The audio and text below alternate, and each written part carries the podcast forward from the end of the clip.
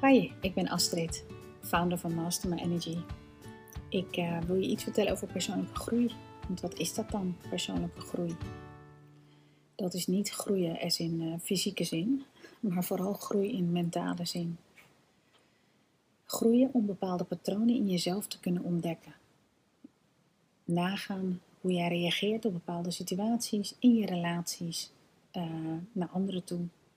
En daarin bepaalde patronen ontdekken patronen van denken die ooit zijn ontstaan toen je heel jong was en door allerlei conditioneringen uh, zijn gevormd en die vandaag de dag gewoon eigenlijk niet meer gelden omdat je groot bent geworden, omdat je een volwassen mind hebt en eigenlijk toe zijn aan een update.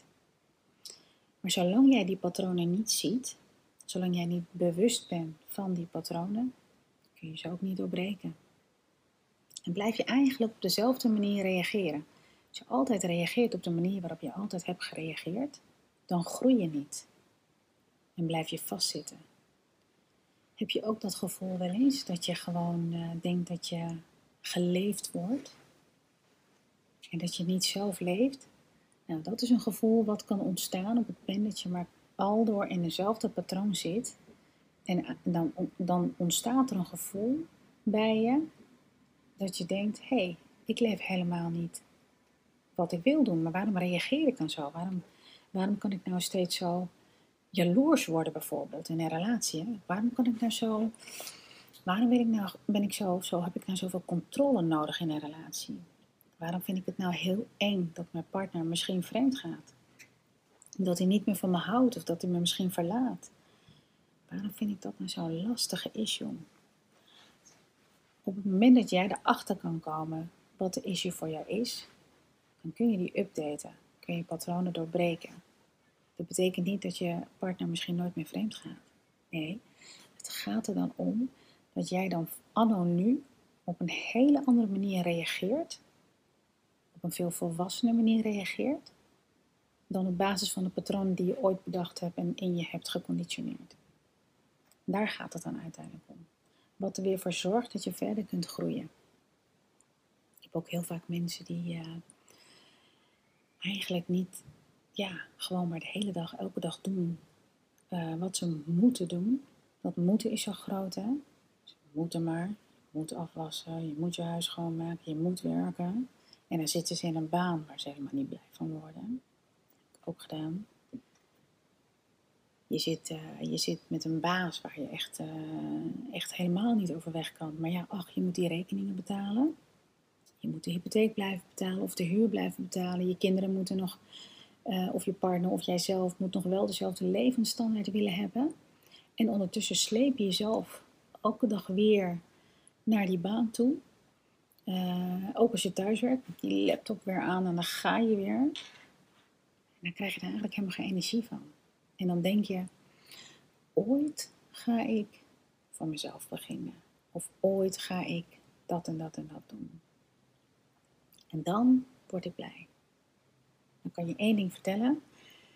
Als je zo daarover denkt, dan kan je leven voorbij zijn zonder dat je het bereikt hebt. Dat zou heel erg jammer zijn. De vraag is dus eigenlijk, leef jij je volle potentie?